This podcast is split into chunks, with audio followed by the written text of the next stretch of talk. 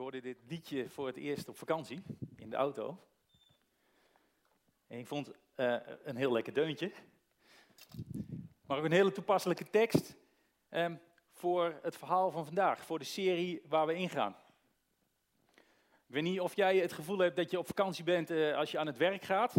Ik hoop het voor je. Um, maar ik vraag hem een beetje af. En je hebt natuurlijk mensen die gaan helemaal op in hun werk. Uh, die doen er alles voor.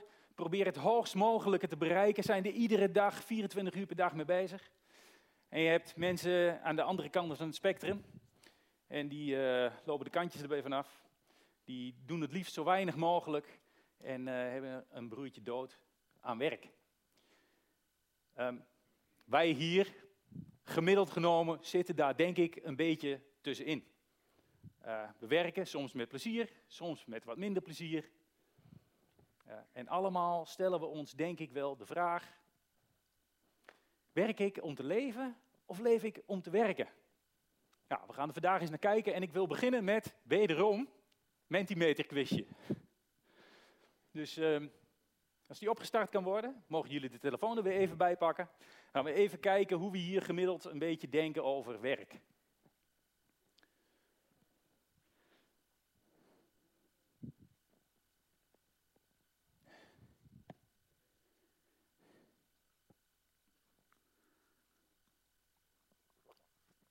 Jullie zien er goed uit vandaag, zie ik. Het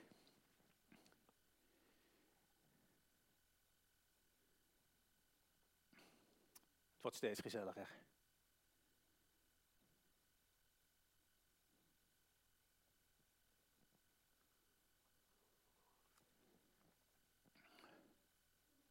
Ik ben blij dat iedereen zijn telefoon bij zich heeft. Nou, ik denk dat we er ongeveer wel zijn. Start er maar op, zou ik zeggen. Komt de eerste vraag. 75, netjes hoor, bam. Ja, dit slaat eigenlijk nergens op. Snel hoor, snel, snel, snel, snel. Hop. Ik had een paar antwoorden. Dagelijks. Of in ieder geval toch heel erg veel. Soms, maar ik zou het veel vaker doen als ik de kans krijg. Soms, maar uh, ik probeer het zoveel mogelijk te voorkomen. Ja, echt niet. Niet aan het werk. Kijk, zijn er ook nog acht. Ja, gelijk heb je. Ja, of niet. Maar de meeste mensen werken toch wel. Ja, dat verbaast me eigenlijk niet zoveel. Um, ik vind het heel bijzonder dat je echt niet werkt. Doe de volgende maar.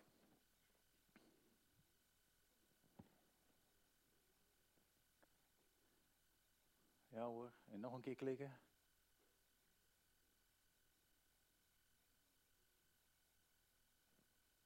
Uh, dit is een beetje onzin. Ja, dat is natuurlijk nog de grote vraag. Hè? Je kunt wel werken, maar doe je betaald werk of doe je geen betaald werk? Want je kunt wel geen betaalde baan hebben, dat wil niet zeggen dat je niet werkt. Tijd bijna om. Ja. Nou. 90-10 zijn toch een aantal mensen die geen betaald werk doen. Dat kan, maar dan doe je ongetwijfeld uh, uh, ander werk. Maar de meeste van ons hier zoals we zitten, 90% vertaal ik dan maar even, heeft wel betaald werk. Nou, goed om te weten. Volgende vraag.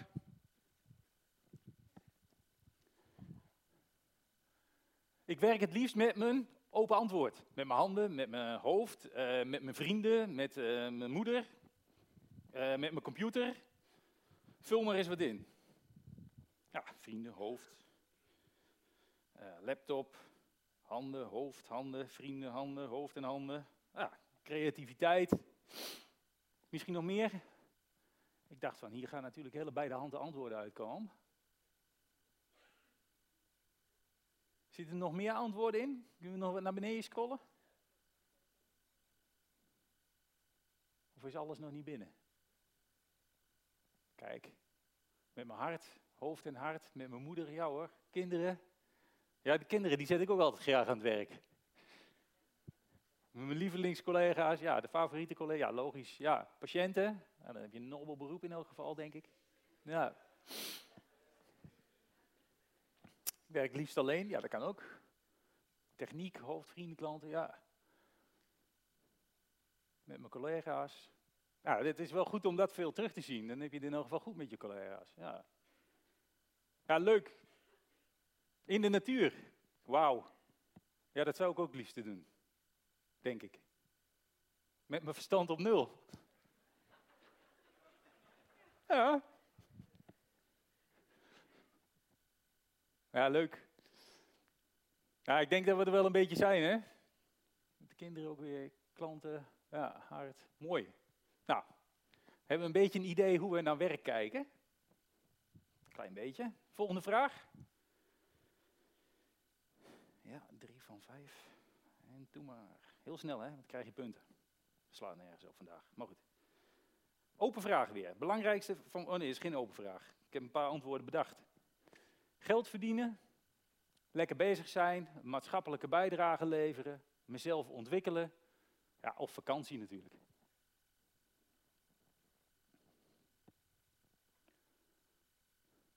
Oh, dat is mooi een beetje verdeeld. Kijk, vakantie was een fout antwoord, hè? Daarvoor mag je niet werken. De rest is allemaal prima. Nou, de meeste mensen die vinden het toch wel belangrijk om geld te verdienen. Nou, dat snap ik. Uh, lekker bezig zijn, ook niet onaardig. En de maatschappelijke bijdrage is redelijk 50-50. Uh, redelijk 50-50. Dus wat verschillende motivaties. Mooi, mooi om te zien. Volgende vraag.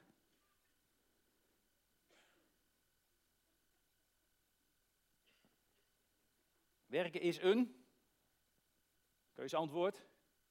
Cadeautje of werken is een straf? Ja, dan denk je natuurlijk, eh, allebei niet. Nee, maar daarom zet ik het ook lekker zo aan. Hoe kijk je nou tegen je werk aan als je moet kiezen? Ah, gelukkig. Gelukkig. De meeste mensen hebben dan toch nog wel zoiets van, ah, het is toch een cadeautje. Die 25 uh, eh, andere mensen, misschien, uh, misschien uh, af en toe eens naar wat vacatures kijken. Kan best leuk zijn, werk. Volgende vraag, laatste vraag. Daar gaat het allemaal over vandaag. Ik, puntje, puntje, puntje, tromgeroffel, leven om te werken of ik werk om te leven. Ja.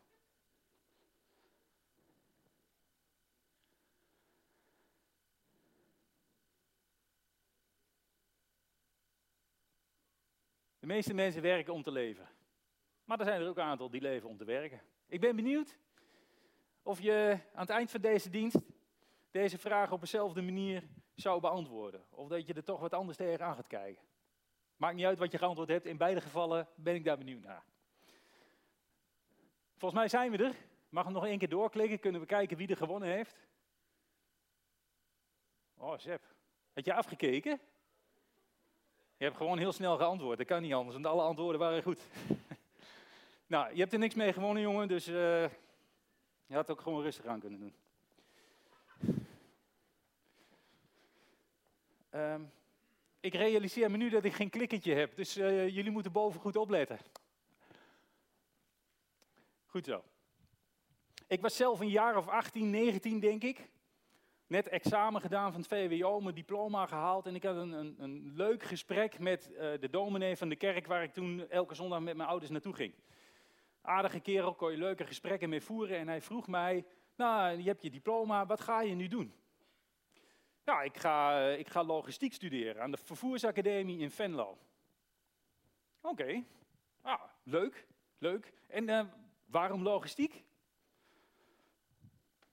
Ja, uh, ja, nou ja, ik, ik heb eigenlijk geen, ik heb geen flauw idee. Ik weet toch echt niet wat ik moet doen. Ik heb niet echt een passie waar ik super enthousiast van word.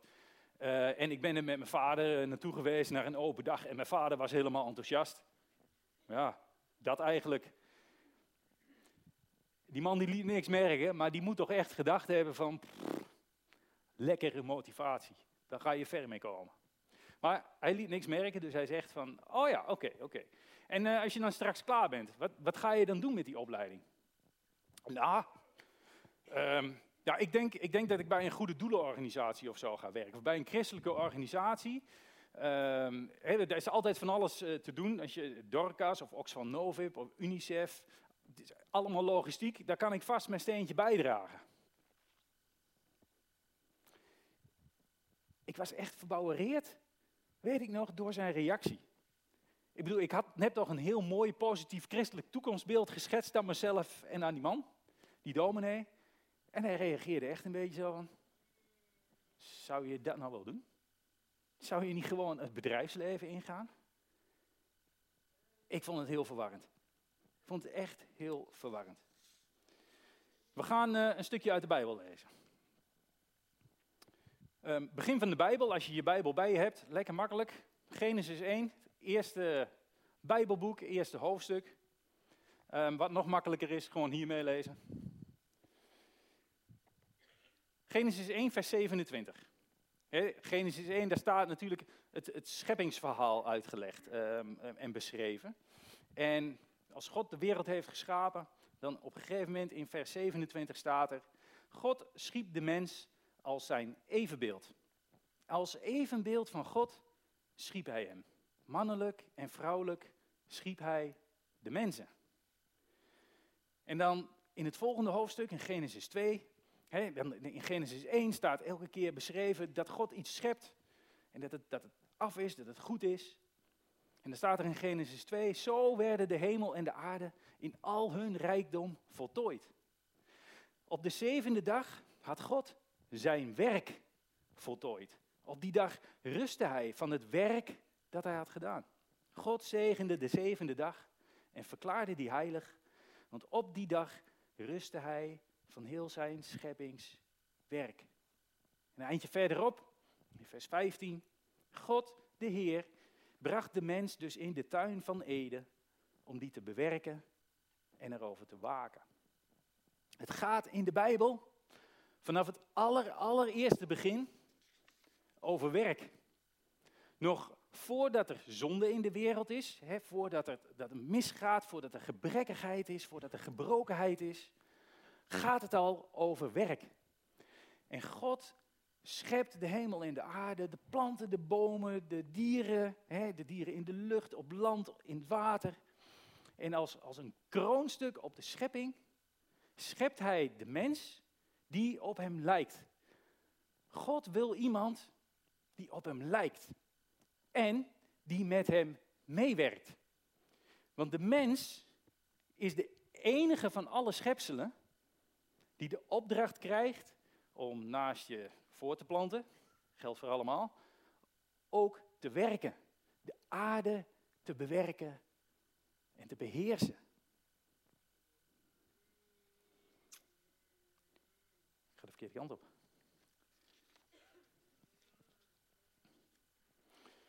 God wil iemand die op hem lijkt, die met hem meewerkt.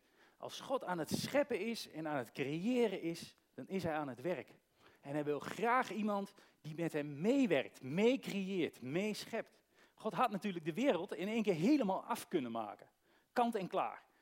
Hij had alle planten en alle bomen, alle dieren in het water en in de lucht en op het land zelf namen kunnen geven. Maar hij vraagt het heel nadrukkelijk aan de mens. Help mij. God heeft in de schepping ontwikkelingsmogelijkheden gelegd. En samen met de mens wil hij die schepping steeds mooier maken. Steeds completer maken. Steeds vol, volmaakter maken. God wilde een mens die met hem meewerkt. En niet alleen een mens die met hem meewerkt, God werkt ook door de mensen heen. In Psalm 127 staat het heel mooi. Als de Heer het huis niet bouwt, te vergeefs zwoegen de bouwers. Dan is het nutteloos. En in een andere psalm staat dat de Heer, dat God alle mensen, alle levende wezens van eten zal voorzien.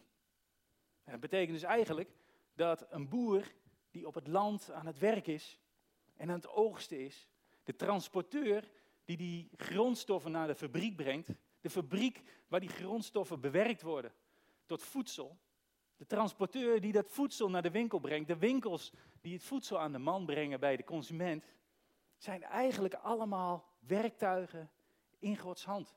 Door hen heen kan God werken om de maatschappij een beetje mooier te maken. God heeft bedoeld dat de mens werk heeft. Zonder werk ga je je vervelen, voel je je nutteloos,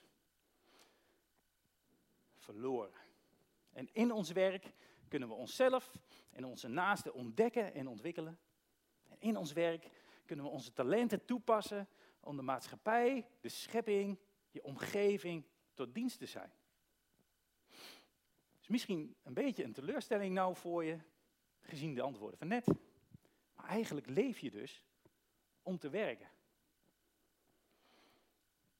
Maar het goede nieuws is, je leeft niet alleen maar om te werken. En je leeft ook niet alleen om te werken. Uh, nee, je mag dat afwisselen met rust. Zoals God de hemel en de aarde schiep in zes dagen en op de zevende dag rustte. En God heeft de tien geboden gegeven, daar staat het ook in. In zes dagen moet je al je werk doen. Maar de zevende dag is de Sabbatdag, dat is een heilige dag, dan moet je niet werken.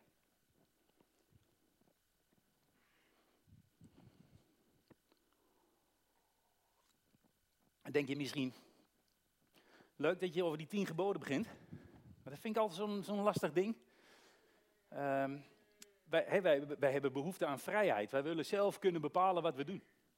Maar ik denk dat je die tien geboden niet moet zien als een, als een inperking van je vrijheid, maar juist als een mogelijkheid om echt tot, tot volledige wasdom te komen, tot ontplooiing te komen. Um, God wil de juiste kader scheppen waarbinnen wij, waarbinnen wij echt tot ons recht kunnen komen. Je zou het kunnen vergelijken met, met een vis. Een vis haalt zuurstof uit het water. Als je die vis volledige vrijheid wilt geven, moet je hem wel in het water laten. Als je hem uit het water haalt en op het land legt en zegt, nou vis, je bent volledig vrij, dan gaat niet zo werken. Um, als je wilt genieten van je auto, uh, dan moet je een beetje houden aan de regels die horen bij het autorijden. Uh, er zal, als je een elektrische auto hebt, af en toe een stekker in moeten. Als je een benzineauto hebt, moet er af en toe benzine in. Uh, die dingen hebben af en toe eens onderhoud nodig. er moet voldoende lucht in de bandjes zitten. Er zijn regels om dat ding goed te laten rijden. Dat is niet om de vrijheid in te perken, maar juist om ervoor te zorgen dat je tot volledige vrijheid kunt komen. En zo is het ook met die tien geboden. En zo zegt God ook, werk zes dagen en neem dan een dag rust. Zoals God dat ook deed. Was God moe? Na zes dagen werken, na zes dagen scheppen? Die kans schat ik persoonlijk heel klein in. Dus ik denk dat er een andere reden was dat hij rustte. God wilde genieten van zijn werk. Wilde even afstand nemen van zijn werk. In het scheppingsverhaal staat het heel mooi. Iedere keer als God iets heeft geschapen, dan kijkt hij en hij zag dat het goed was. De schepping is mooi, is goed. Het werk dat God deed was mooi, is goed. En hij genoot daarvan. En zo mogen wij ook rust nemen om te kijken naar het resultaat van ons werk. Maar ook om ons te richten op andere dingen. Om niet alleen maar met dat werk bezig te zijn. je kunt rust nemen om met je hobby's bezig te zijn. Tijd te besteden aan je gezin, aan je familie, aan je vrienden. Tijd te besteden aan, aan God. In elk geval om even los te komen van het werk. Zodat het werk niet het enige is dat er in je leven zich afspeelt. Dat het werk geen afgod voor je wordt. En werk mag ook gewoon leuk zijn. Je mag ook iets moois proberen te creëren.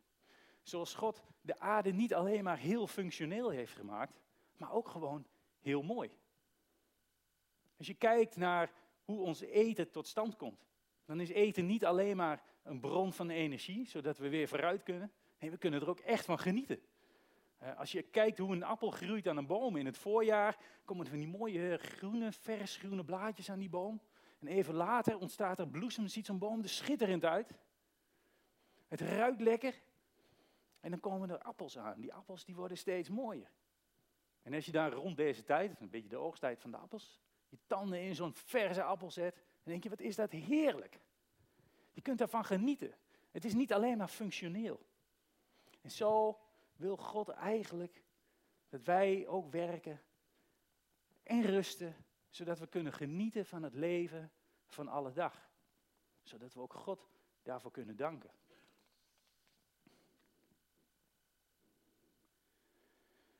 Maar dat roept misschien bij jou dan wel een beetje een vraag op.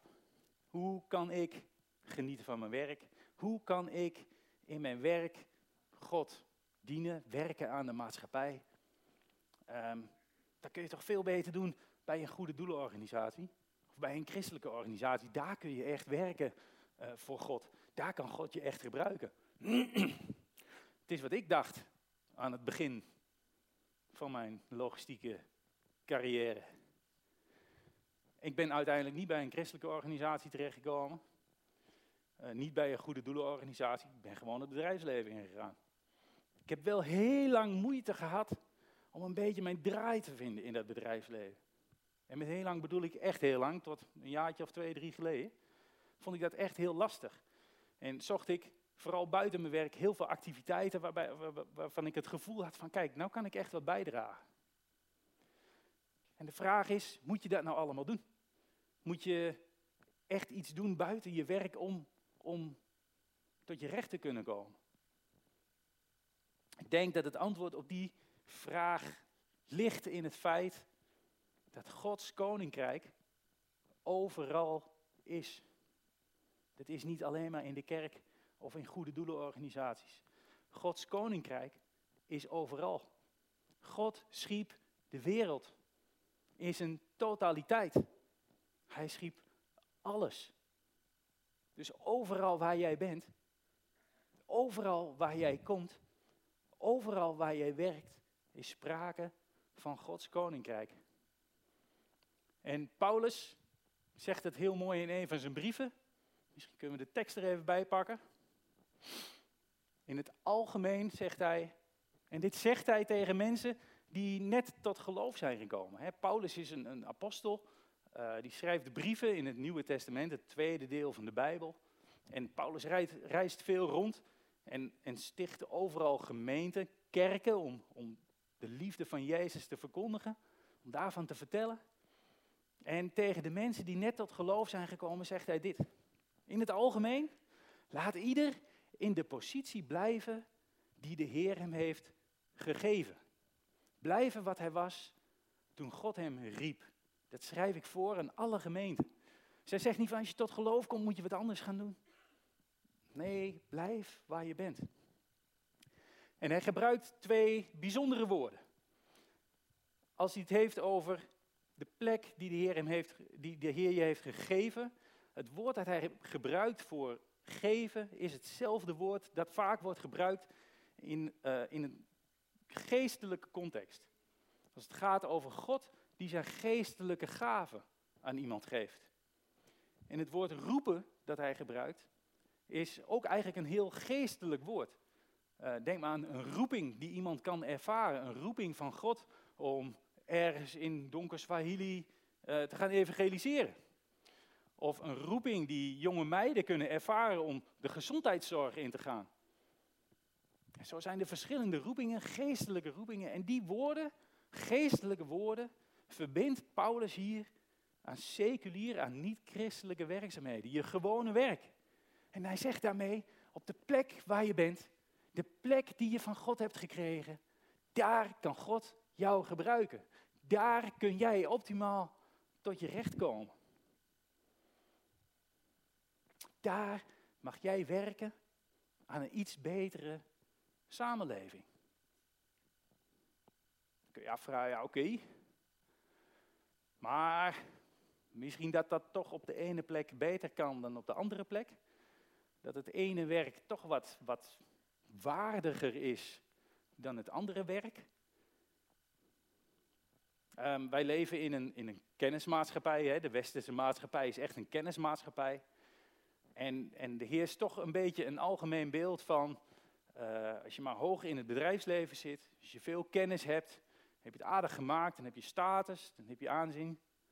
Uh, maar als je wat meer in de dienstensector zit, als je nou, wat minder hoog hebt uh, geschopt, als jij tuinman bent, ik wil niemand beledigen trouwens, hè? want uh, als je vuilnisman bent, dan wordt er, er vaak toch wat meer meewarig naar je gekeken. Dan, dan heb je het niet zo hoog geschopt in de westerse maatschappij. Dat is echt een heel onbijbels beeld. Als je kijkt naar hoe de Bijbel kijkt naar werk, hoe God kijkt naar werk, dan wil God jou inzetten op die plek waar jij jouw talenten het best tot zijn recht kunt laten komen. En dat kan op alle plekken. En ik hoop dat dat voor jou een heel bevrijdend gevoel is. Dat je denkt van, oké, God kan mij overal gebruiken. Daar waar ik mijn talenten en gaven kan inzetten, daar kan God mij gebruiken. En dat is onafhankelijk van het salaris dat ermee te verdienen valt. Ga dus op zoek. Nee, je mag op zoek gaan naar werk dat bij jou past, dat bij je talenten past. Nou, er valt nog veel meer te zeggen over werk vanuit de Bijbel. Maar dat kan helaas niet. Maar ik wil nog één kanttekening plaatsen. Want tot nu toe is het, hoop ik, toch best wel een beetje een feel-good verhaal. Maar er zit echt wel een keerzijde aan dit verhaal. Het kan namelijk zijn dat je denkt, het is allemaal leuk en aardig wat je daar staat te vertellen. Maar ik heb het gewoon echt niet naar mijn zin op mijn werk. Ik vind het gewoon ongelooflijk moeilijk. Het kost me heel erg veel energie. Um, iedere keer gebeuren er dingen die ik niet kan plaatsen. Mislukken de dingen. Uh, krijg ik dingen niet voor elkaar. Of misschien ben je je werk, waar je je ei zo ongelooflijk in kwijt kon, wel kwijtgeraakt. En denk je wel, hoe, hoe dan God? Waarom?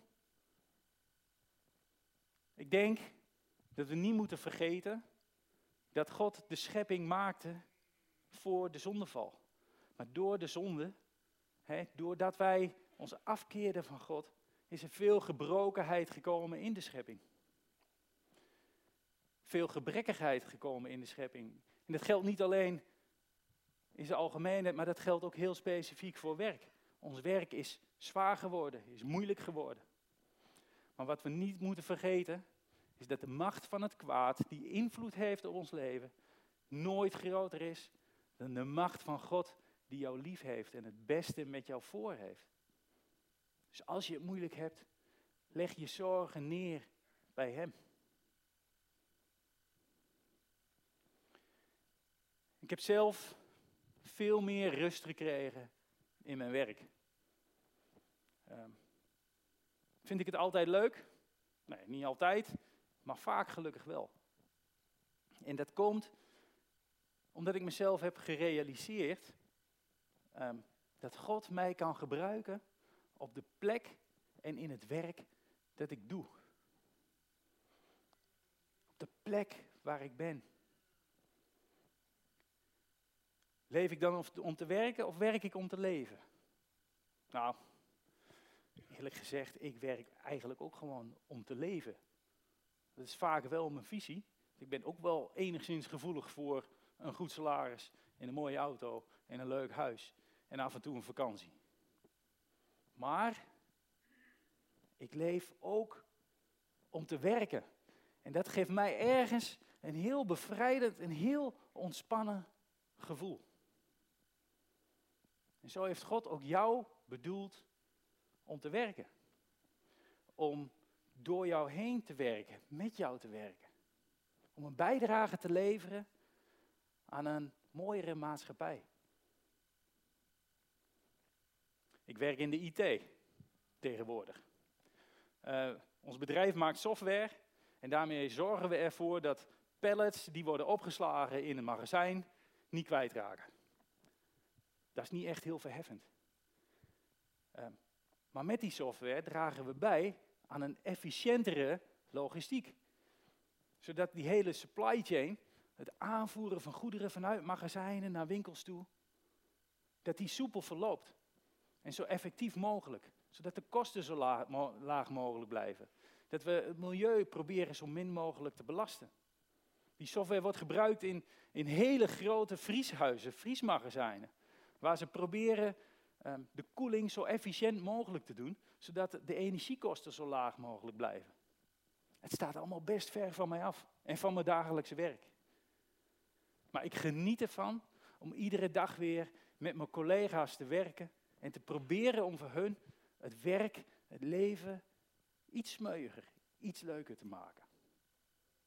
Zo kan God mij gebruiken op de plek waar Hij mij geplaatst heeft. Hoe kan God jou gebruiken op de plek waar Hij jou geplaatst heeft? Ik zou zeggen, laat je gebruiken door God op de plek waar je bent. Vraag aan Hem hoe Hij je kan inzetten. En richt je op.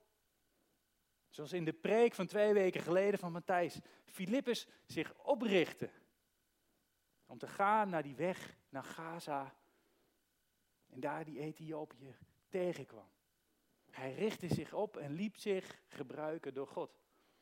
Ik weet zeker dat als jij dat ook doet, dat je meer plezier gaat krijgen in je werk. Die laatste mag.